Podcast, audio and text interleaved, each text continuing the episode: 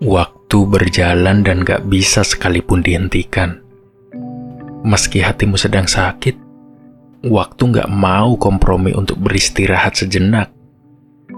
Tetapi, seperti kata orang-orang, waktu selalu menyembuhkan luka di hati, cepat atau lambat. Kamu percaya itu? Kamu pernah membuktikannya? Kalau sudah, berapa kali terjadi? Lebih dari sekali?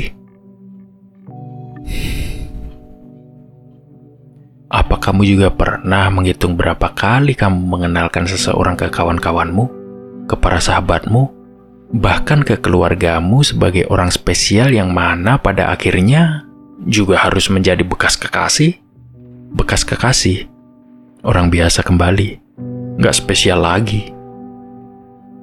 Barangkali memang agak nyesek kali ya ketika muncul pertanyaan tentang hubungan kalian yang mana awalnya diharapkan jauh, tapi nyatanya bentar doang.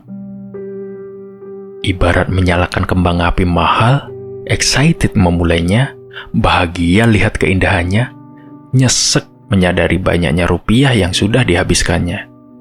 Hmm, ya udah sih, Namanya kalau bukan jodoh, mau diapain juga nggak bakal berjodoh.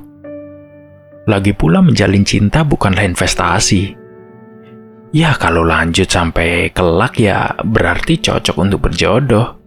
Kalau bentar doang atau malah udah lama bareng tapi endingnya bubaran, berarti memang nggak cocok untuk berjodoh aja.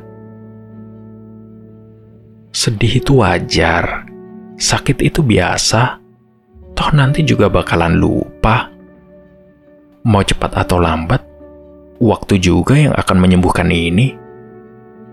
Jadi, sudah berapa kali waktu mengobati lukamu?